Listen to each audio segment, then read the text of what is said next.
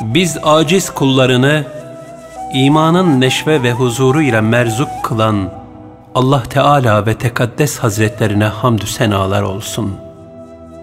İnsanlığı zulmetten nura gark etmeye vesile olan kainatın fahri ebedisine salatü selam olsun. İnsanoğlu imtihan için geldiği bu gurbet diyarından ayrılırken, ebedi bir alemin kapısından içeri girmektedir. Ancak o alemin iki kapısı vardır ki, biri hüsrana, diğeri saadete çıkar.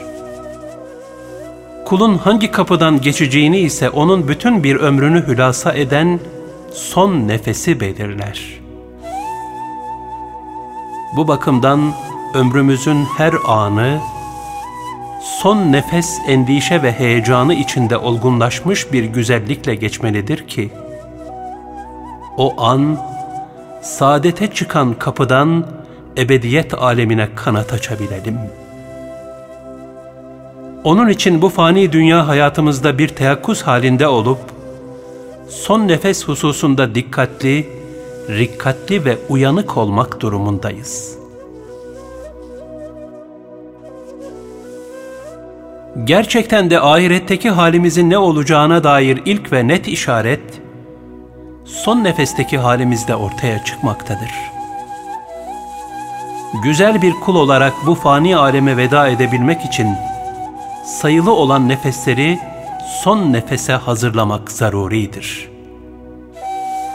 Yani mesut bir ahiret hayatı için ameli salihlerle müzeyyen, güzel, feyizli, huzurlu ve istikamet üzere bir dünya hayatı elzemdir.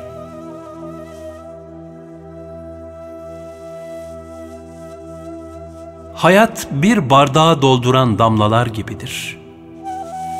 Bardaktaki suyun berraklığı, damlaların berraklığına bağlıdır.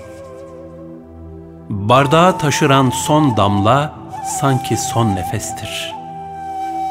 Hadis-i şerifte buyrulur, kişi yaşadığı hal üzere ölür ve öldüğü hal üzere haşrolunur. Son nefes, yani hayat sahnesinin son perdesi, herkesin kendi akıbetini aksettiren, buğsuz berrak bir ayna gibidir. İnsanoğlu kendisini en net olarak son nefesinde tanır. Necip Fazıl'ın dediği gibi, o demdeki perdeler kalkar, perdeler iner. Azrail'e hoş geldin diyebilmekte hüner. O demde hayatın muhasebesi, kalbinin ve gözünün önünde sergilenir.